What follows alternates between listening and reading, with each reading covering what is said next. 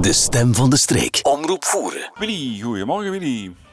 Goedemorgen, Roger. En eh, geniet je ook van het zonnetje in de ogen? Ja, ja, en eh, dit is wat uh, straks al gezegd werd door Pierre. Het oude weer houdt aan. Hè. Het is echt Mhm. ten opzichte van eh voorgaande jaren. Dat plaagt ons een beetje, hè? koud. En, en dan eh, wijs ik nu eh, richting eh, zomergoed. En dus de, de- iedereen wil maar zo goed buiten. Kijk maar bij de tuincentrums Mhm. of noem maar op. Alles staat vol met, eh met perkplanten en eh, zomergoed. Hè. Dus, eh, Ja, maar dat is weer economie. Die hebben dat lang van tevoren ingekocht, dus die willen dat kwijt natuurlijk. ja, het moet, het moet. Maar eh, ik zou toch eh, wat voorzichtig zijn. Of gewoon, eh, er zijn toch wel een hoop eh, planten. Dus, eh, en dan heb ik het, eh, die, eh, ja, laten we zeggen, je rustig buiten kunt zetten, die wat fors kunnen verdragen. En dat, is het, eh, dat zijn de graniumsoorten, hè, dus de pelargoniumsoorten, terwijl de, de staande of de Franse, die hebben dus eh, ja, die, iets minder last van. Want we praten toch, maar het staan meestal beschut, eh, om, het is net misschien 1 of 2 graden onder. Gaat het meer vriezen, zou ik er gewoon een vliesdoekje doekje overheen gooien. Maar eh laten we zeggen, zoals een begonia, een impatiens is een vlijtig griesje. Hè? Dus eh, dat zijn eh, planten, nou, eh, als die bij min 0 zijn het al bevroren. Hè? Dus eh, eh, dat, zijn, dat is eh, moeilijker. Maar, Dus die hebben niet alleen maar een dikke jas nodig, die kun je beter nog niet dus, buiten zetten. Nee, nee. Maar wil je een mooi assortiment eh perkplanten hè, zo moet buiten zetten, nou dan eh, praten we over fuchsia, geraniumsoorten, eh, lobelia, cuvea, dat wordt ook heel veel gebruikt. Dat is het lucifersplantje, ook trouwens heel eh vorstgevoelig. De koper, dat zie je overal ertussen in de gemengde potten, die lange witte eh slierten met die, eh, lange slierten met die bloemetjes. Heel mooi. En dan, eh, eh, zoals straks heb je begonia's, heb je gewone begonia's, maar je hebt ook de knolbegonia's met prachtige kleuren en tooi. Dus eh, de liesjes, de primulas, dat is, eh, die staan al lang te bloeien. Hè? Dus eh, die kunnen wel eh, wat tegenvoors. En, en wat op het ogenblik ook nog veel buiten staat te bloeien, zijn de, de viooltjes. Die staan nu in een prachtige tooi. Die hebben natuurlijk een voordeel bij dit koude weer. Hè, want die blijven langer bloeien, want die slijten het hardste bij heel warm, warm en droog weer. Dus die, dat is weer een voordeel. Spaanse magrieten, verbena, dat eh, winterhard, eh, dus dat wordt ook veel eh, in tuinen gezet. Eh Surfinia, Surfinia kunnen ook eh, tot een verdragen. Stiklamen, hè, dus eh, heb je leeuwenbekjes. De, de dahlia's, die zijn geplant, die moeten uitkomen. Dus eh, net als de zonnebloem. Zonnebloem, ja, daar zijn we eigenlijk nog wat vroeg. Maar 1 mei is de zonnebloemdag, hè. Dus eh, dan moeten de zonnebloemen eigenlijk, die worden dan eh, geplant. Eh, en dat is de volgende week. Dan hebben we nog de eh, Gazania.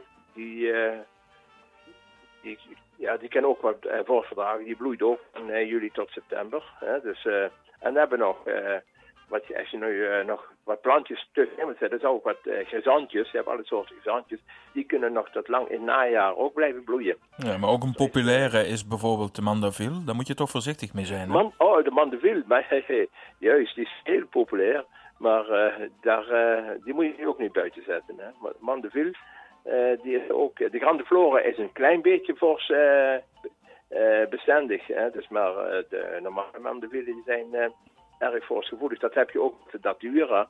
Datura houden ze binnen, de, dus eh, die... eh, die zijn eh, bij de geringste, bij min 0 zijn die ook bevroren. Hè, dus wat, wat dat betreft zijn er een hele hoop planten. Maar zoals planten zoals, laten we zeggen, ci- citrusvruchten en zo, die moet je allemaal buiten zetten. Dus in die kuiplanten mogen heel veel planten wel al naar buiten. Hè. Ook de oleanders en dat. Die, eh, die deren niet meer met, een, met eh, één of twee graadje vorst. Dus eh, En sowieso zal het binnen twee weken toch wat, wat beter moeten worden, of wat, wat Ja, meer graden overdag dat- hebben. Hebben ze dan niet te veel problemen met het verschil tussen die, die 0 tot plus 5 s s'nachts en dan de 15, 20 overdag? Ja, dat is natuurlijk. kijk, die, die, die hoge temperatuursverschillen dat, in, zoals je het noemde, in één etmaal, dat, dat doet geen enkele plant goed. Dat is niet goed voor de mens, maar ook niet goed voor de plant. dus uh, ook insecten blijven ook achter. Hè. Dus wat dat betreft, je ziet, als je naar de bomen kijkt, nou, met moeite komen ze in blad. dus we zien een heel groot verschil. We hebben dus waarneming gedaan wat betreft het blad komen van eiken, omdat we ook eikenprocessen begeleiden. Nou, je dan niet langs de Maas, de gemeentes langs de Maas, die, uh, dat, uh, waar eikenbomen wat scherm staan in bebouwde kom of noem maar op, die beginnen aardig goed blad te komen. Maar kom je verder uh, in oostelijke richting, dus dat we zeggen de hoogte van Teuven en nog hoger, nou, daar staan ze nog aan elkaar. Hè. Daar staan ze, ze in knop en wachten op een, op een uh, temperatuur. Dus je ziet al een verschil in feite tussen Moelingen en Teuven hè, qua ontwikkeling. Dan zie je een heel groot verschil. Hè. Hè, want, uh, uh, en dat komt namelijk omdat hier een paar graden warmer is. Gemiddeld. Ik heb het over de gemiddelde temperatuur. Ja, het is ook omdat jullie heel serieus over natuur bezig zijn dat ik jullie die uitdrukking en die uitspraak niet, niet kwalijk neem en dat ik hem heel goed begrijp. ja, ja. Nee, okay.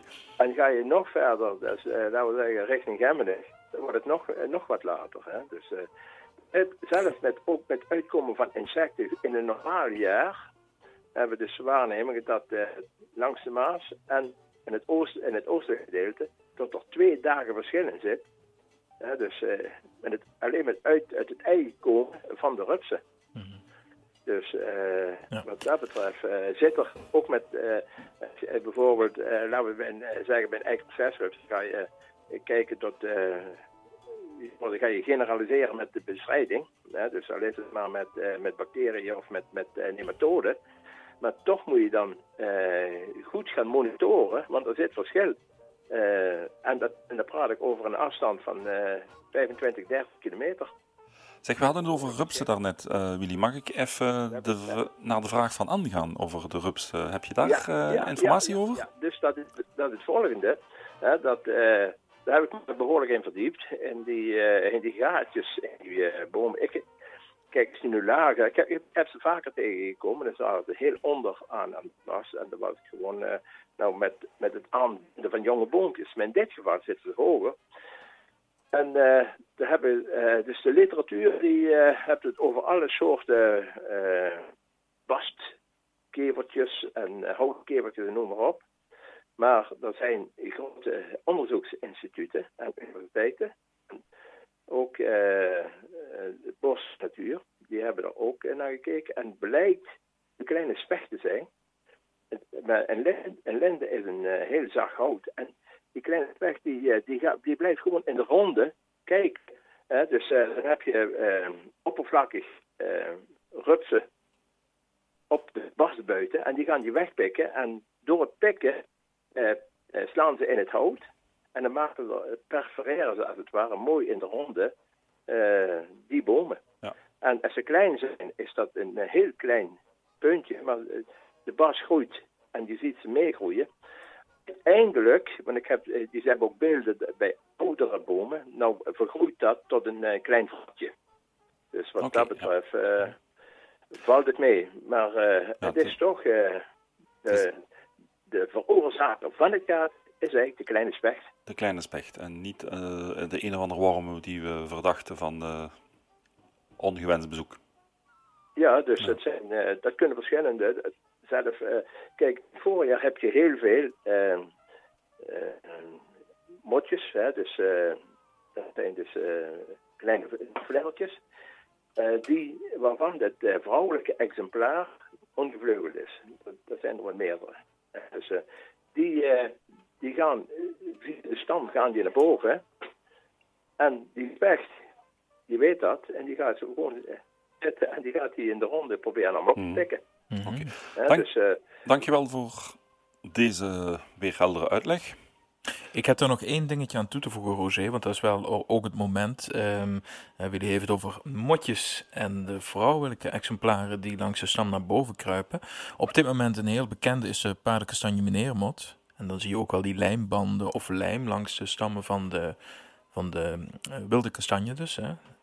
Eh, dat is dus eigenlijk om die eerste generatie vrouwtjes, die zijn ongevleugeld, om die te vangen. Dus want die kruipen nu richting kruin om daar eh, de mannetjes eh, te zoeken en te paren en te zorgen voor de volgende generatie. Dus als je nu paardenkastanjes ziet met lijmbanden of lijm, insectenlijm, Dan willen ze vrouwen vangen. dan willen ze vrouwtjes vangen. Of niet, Willy? Ja, ja dat, eh Het- daar zijn we nu mee, bezig. Want Jean-Pierre, die, die weet er alles van. Dus, hebben in Maastricht Ja, heel want, wat eh, moeten. we, hebben- we hebben projecten waar we dat eh, uitvoeren. Ja.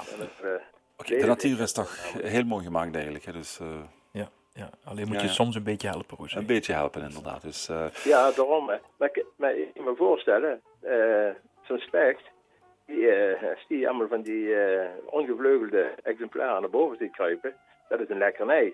Mhm. En eh, die pikt hij ook. mhm. Hij pikt niet alleen in de boom, hij pikt ook van de bast. Hè, want hij moet toch. Ja, logische verklaring. Oké, prima. de slimme specht. Ja, Oké, dankjewel voor de uitleg, eh, Willy. Eh, graag super. gedaan. Mm, En eh, volgende week volgende week.